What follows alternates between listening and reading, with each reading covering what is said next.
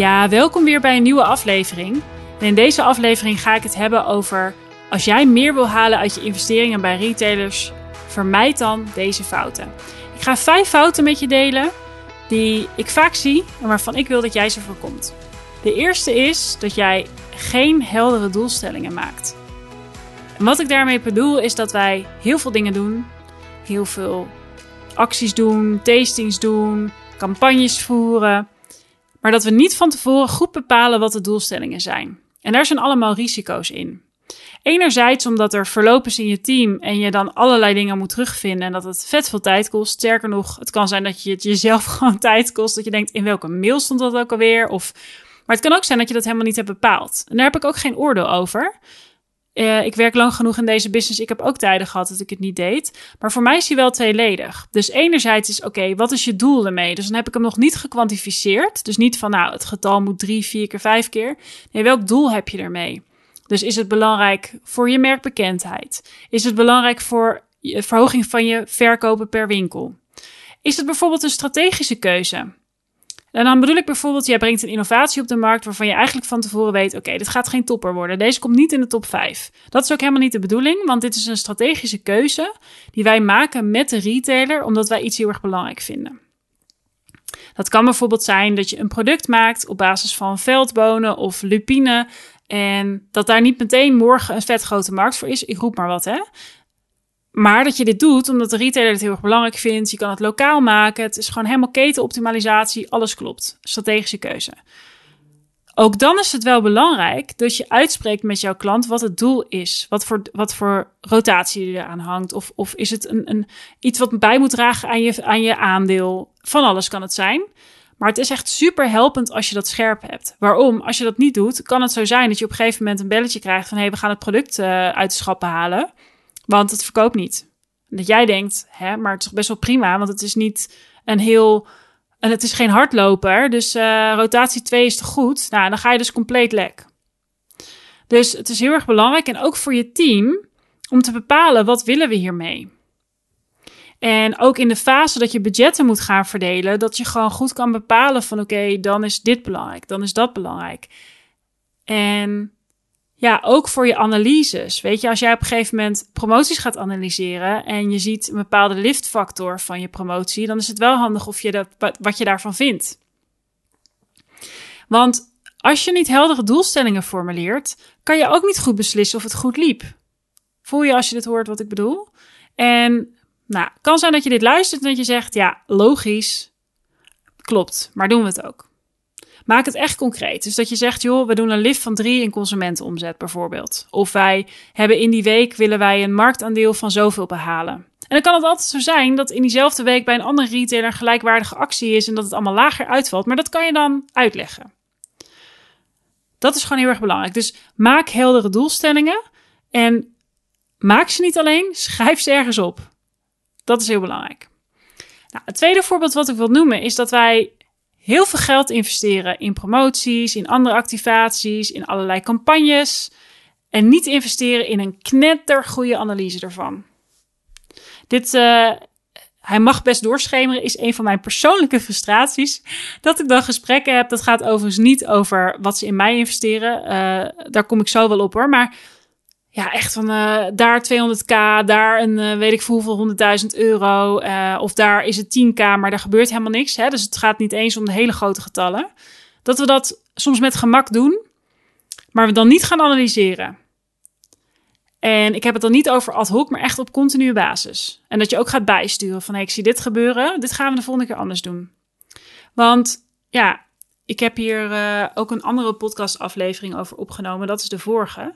Waarin ik zei van, joh, we hebben geen budget om meer te doen, maar we zouden wel willen. Is dat echt waar? Weet je zeker dat je het maximale haalt uit je huidige budget? Want wat als je bijvoorbeeld 25% hoge effectiviteit hebt met je promoties? Wat zou dat dan betekenen voor je? Ja, dat betekent dus heel veel. Dan kan je dus met hetzelfde budget 25% meer doen. Dus je kan ook met minder budget hetzelfde bereiken. Het is net waar je ambitie ligt. En wat zou dat betekenen voor je winst, voor de tevredenheid van je klanten? Welke ruimte zou het je geven? En ja, echt, echt, echt, zorg dat je hierin ook investeert. Het kan niet zo zijn als ik soms zie hoeveel geld je aan de voorkant investeert en gewoon nul aan de achterkant. En het hoeft niet meteen net zoveel te zijn. Hè? Je kan ook, nou ja, ik help klanten daar ook bij van oké, hoe kunnen we dit goed analyseren? Ik heb daar ook standaard tools voor. Uh, maar er is ook soms iemand in het team die het al hartstikke goed kan. En dat kan, ja. En als ik meekijk, nou, zie ik er net een andere invalshoek in. En ik kom natuurlijk, hè, ik zit niet de hele dag in jullie cijfers. Dus ik zie gewoon weer andere dingen. Ik heb andere ervaringen. Ja, gewoon echt mooie analyses bouwen is één. Maar dat toepassen op je bedrijf en de juiste verbanden leggen is ook weer twee. Dus als jij meer wil halen uit je investeringen, ja, dan kan het niet zo zijn dat je heel veel geld uitgeeft aan allerhande campagnes en niet in de achterkant. Dus niet in een goede analyse ervan, niet in goed personeel daarop, of dus externe experts of allebei. Het is ook net, waar sta je nu, waar wil je heen? Ik krijg dat soms ook van mensen van ja, maar wij doen al heel veel analyses. Nou, dan zeg ik alleen maar supergoed. Dan is de basis als wij gaan samenwerken is al op een hoog niveau en dan kan het alleen maar heel snel beter worden. Ik vind het ook echt een heel mooi voorbeeld dat ik uh, op een training was en toen zei iemand ook, ja, wat als Federer... kan zijn dat ik hem al eerder als voorbeeld genoemd, maar ik vind hem gewoon zo leuk. Wat als Federer uh, zijn buurvrouw gaat uh, coachen, maar ervan uitgaande dat hij niet heel goed is in tennis. En vervolgens gaat hij iemand coachen die hartstikke goed is. Ja, die gaat super snel natuurlijk naar een team. Ja, dus, dus daar word ik alleen maar enthousiast van. Dus ja, zeker ook bij mij aankloppen. Maar het hoeft niet bij mij te zijn. In ieder geval is het iets wat ik bij jou ja, aan wil geven, is Zorg dat je hierin investeert. De derde is dat jij niet werkt met een heldere kalender waarin je, uh, ja, waarin je alles wat het commerciële team doet in weergeeft. Het kan zijn dat je dit hoort en zegt: ja, de. Maar toch ook hier de uitnodiging. Heb, kan jij zo nu, als ik het je vraag, nu uh, klikken op je map en dan zeggen: joh, uh, ik weet precies, in week 1 doen we, uh, deden we dit, in week 5 doen we dat. En ook naar de toekomst toe helemaal in kaart. En uh, ja, het is echt niet zo dat we heel een beetje foutjes maken. Ik zal een voorbeeld noemen. Ik had op een gegeven moment een bedrijf. En toen, voordat we met elkaar gingen werken, zag ik dat zij een hele dure Scoopy-actie deden. Dus dat is met een cashback-actie. Dus dat mensen product kopen en dan geld terugkrijgen. En dat hadden ze in dezelfde week gedaan als een prijspromotie. Ja, dat is echt, echt weggegooid geld gewoon. En dat was, uh, nou ja, voor dat bedrijf heel veel geld. Dat was 10k, was gewoon weggegooid. Nou ja, uh, toen ik nog uh, een, een, een verantwoordelijk had, had over 80 miljoen, toen vond ik dat ook heel veel geld. Dat ik heel, heel graag aan iets anders uitgegeven. Of dat je te veel klanten bij elkaar in actie doet, waardoor je het volume niet kan borgen. Of in ieder geval niet zonder onwijze kosten te hebben. Maar ja, dat zie je als commerciant vaak niet. Maar dat hoor je dan achteraf van je, hoop je van je logistieke collega's. Dus ja, die fout wil ik dat je voorkomt. Dus werk echt met een heldere kalender. Het bespaart ook zoveel tijd als je dan gaat analyseren. En of je krijgt een belletje van je klant en ineens moet je op de hak, op de tak moet je allemaal dingen gaan doen. En, oh ja, waar staat het ook alweer? Ja, ik krijg daar echt een put over van. Dus ja, ik, ik vind het gewoon echt belangrijk dat dat overzicht is. En dat hoeft helemaal niet veel tijd te kosten om dat overzicht bij te houden overigens. Als je hem eenmaal hebt, is het bijhouden super simpel. En je, het is ook super fijn om met je team gewoon naar de toekomst te kijken. Van oké, wat voor plannen hebben we? Hoe, brengen we dat in kaart? Wat kunnen we doen? Oh, uh, ik heb ook in de kaas gewerkt. Dan hadden we altijd een back-to-school actie, wat super goed werkte. En gewoon echt veel meer nadenken over wanneer werkt iets. Weet je, het heeft allemaal voordelen. Dus als je meer uit je investeringen wil halen, is dit een hele belangrijke. Een vierde is dat jij altijd ja zegt tegen ideeën van je klant. Altijd ja zeggen tegen ideeën van je klant is jouw klant niet mee geholpen. En ik heb het ook over het nuanceverschil dat je niet meteen zegt ja en amen, maar wel dat elk idee wat je klant aandraagt, dat je al bewijs van aan het rennen bent om uit te zoeken of dat een goed idee is. Dus daar is je klant niet mee geholpen. Jij ook niet trouwens, want jouw klant heeft gewoon niet altijd de beste ideeën. Laten we eerlijk zijn. Want die zit helemaal niet zo diep in jouw materie. De meeste mensen waarmee jij praat, als je, als je dit luistert en je, bent, uh, je werkt aan leverancierszijde, weet het ook mensen van Retail luisteren. Dus ik richt hem even op de mensen die aan de leverancierszijde werken. Ja, jij bent de expert, toch? Jij moet jouw klant voorzien van inzichten. Dus jij hebt hartstikke goede ideeën. Jouw klant heeft ook goede ideeën. sterker nog, waar jullie samen goede ideeën hebben, dat is helemaal top. Maar ja, durf te challengen. Durf met een beter idee te komen. Of zeg, joh, ja, wat een, wat, wat een, uh, ja, wat een goed idee. En uh, ik heb hier en hier ook nog naar gekeken. Zo kunnen we, wat vind je daarvan? Dus durf jouw klant te challengen en kom met nog betere plannen waar, waar je gewoon beide van groeit. Ja, het kost ook zoveel tijd om achter alle, alle ballonnetjes die jouw klanten bedenken, om erachteraan te rennen. Je wil niet zeggen, je wil niet weten, uh, ja, ik heb bij bedrijven zelf gewerkt waar dit altijd zo ging. En het heeft me wel een paar jaar van mijn leven gekost. Niet, niet in tijd, maar gewoon in het, het snel ouder worden. Om dat te veranderen. En ik zie dat nu ook bij klanten, dat ik echt zeg: oké, maar waarom gaan we dit uitzoeken? Of waarom is dit belangrijk? Of is dit wel verstandig? En oké, als we dat helemaal uit moeten zoeken, wat hebben we verder voor prioriteiten? En wat moet er dan dus naar de achtergrond? Is het dan nog steeds zo belangrijk? Dus ja, dat, dat ligt wel genuanceerd. En als laatste vond ik altijd een mooi voorbeeld, is dat je te veel luistert naar collega's die zeggen: Oh, dat hebben we al eens geprobeerd. Dat hebben we al eens geprobeerd. Dat hebben we al uitgezocht, werkte niet. Nou, als er één ding is waar ik een allergie voor heb, is dat. Want, nee, ik moet het nuanceren. Mijn vraag is dan meteen: oké, hoe hebben we dat, hoe hebben we dat geprobeerd? Wanneer was dat? En hoe hebben we dat geëvalueerd? Hoe zijn we dan tot die conclusie gekomen? Want ja, als je geen doelstelling hebt voor een innovatie bijvoorbeeld, en je kan zeggen, nou, we hebben het geprobeerd, verkocht niet goed. Nee, maar wat was toen het doel? Ik, je wil niet weten, ik had laatst ook een bedrijf zei, ja, want dan hebben we drie jaar geleden hebben we iets gepresenteerd aan een klant, of een, ja, aan een klant. En ja, toen vonden ze het eigenlijk te vroeg. En toen lag het ineens in de schappen een jaar later. Ja, dus dan moet je wel blijven opvolgen. En dan kan je zeggen, ja, we hebben het gedaan, het is niet gelukt, want ze zeiden nee, maar een jaar later doen ze het wel. Ja, misschien zijn de tijden veranderd, of kan je een andere invulling aangeven, of heb je het wel op de juiste manier gedaan. Ja, weet je, een frisse blik is gewoon nooit weg. Dus zorg dat je die regelmatig geeft. Ik weet dat er echt veel mensen luisteren die zich hierin regelmatig alleen voelen.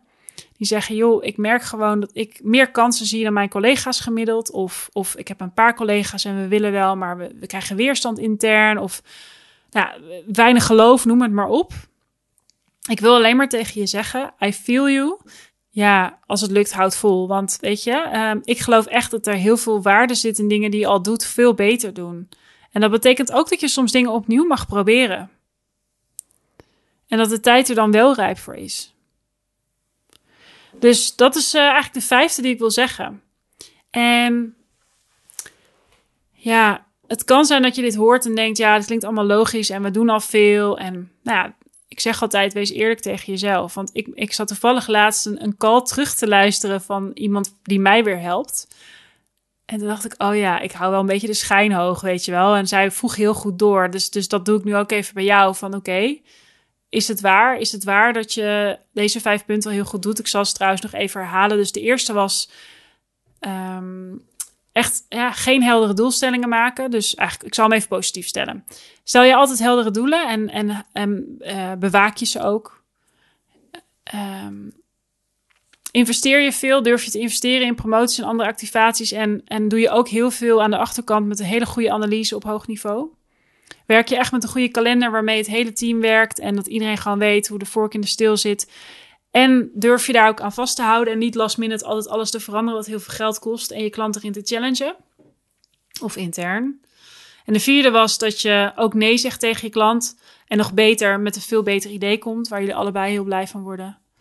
En dat je gewoon als collega zeggen, dat hebben we al eens geprobeerd, durf te challengen.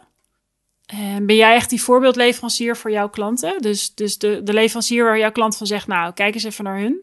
Ik had het laatst eens met de klant, ja, echt super tof. En dit, hier wil ik er meer van, is uh, ja, dat, dat de klant echt zei van, joh, we hebben echt in tijden niet zo goed, uh, goede presentatie gezien. Dit, dit zien wij normaal alleen van dat en dat en dat bedrijf.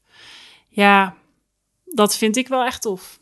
En uh, ik weet gewoon dat het erin zit, bij welke fase je ook zit. Wel als je genoeg ambitie hebt, dat je echt denkt, ja, ik wil weer naar een hoger niveau ja, je weet me te vinden. Ik ga ook niet uh, telkens een sales pitch houden, maar ik ben gewoon echt heel eerlijk. Ik denk dan van ja, ik geloof gewoon dat, dat hier nog zoveel in zit. En ja, ik zou je, als je het voelt, je heel graag helpen. En um, ja, dat eigenlijk. Als jij mijn podcast regelmatig luistert, dan vind ik het heel tof als je me een rating wil geven. Ik ben uh, nu ook bezig om uh, wat meer beoordelingen te krijgen voor degene als je denkt, nou, ik vind het heel waardevol ik geef ook best wel mijn visie weg en veel waarde. En ik zou het heel tof vinden als je die waardeert om, uh, ja, om een rating voor je te krijgen. Dus dat kan je doen op, uh, op eh, Spotify of op Apple Podcasts. En dat waardeer ik echt super. En uh, ja, mocht je trouwens dit luisteren en denken... Ik heb wel een ander onderwerp waar ik heel interessant vind wat jouw visie daarop is. Stuur me dan ook zeker een bericht. In de, in de link in de show notes, dus onder deze aflevering, kan je mij vinden op LinkedIn. Maar je kan me ook gewoon vinden onder Danielle Mol. En dan kan je me ook een berichtje sturen. Vind ik echt heel tof. Want uh, nou, ik ga in ieder geval binnenkort met meer mensen in gesprek. Dus met een klant, maar ook mensen waarmee ik werk. Dus dat is denk ik ook heel leuk. Um, heel eerlijk, ik gaf mezelf ook even de tijd om podcasten te gaan doen. Om te kijken of ik het leuk vond. En in je eentje is het allemaal wat makkelijker. Want je hoeft niet met iemand anders rekening te houden. Maar het is ook tijd om het gesprek aan te gaan met anderen. Dus als jij denkt, met die en die moet je eens in gesprek gaan. Of dit onderwerp vind ik echt heel leuk. Als je eens met me meedenkt. Um, stuur me dan een bericht op LinkedIn. En dan, uh, ja, voor hetzelfde gehad uh, kan ik met jou in gesprek. Je weet het niet. Laat het me weten. En uh, ik vind het leuk als je meedenkt.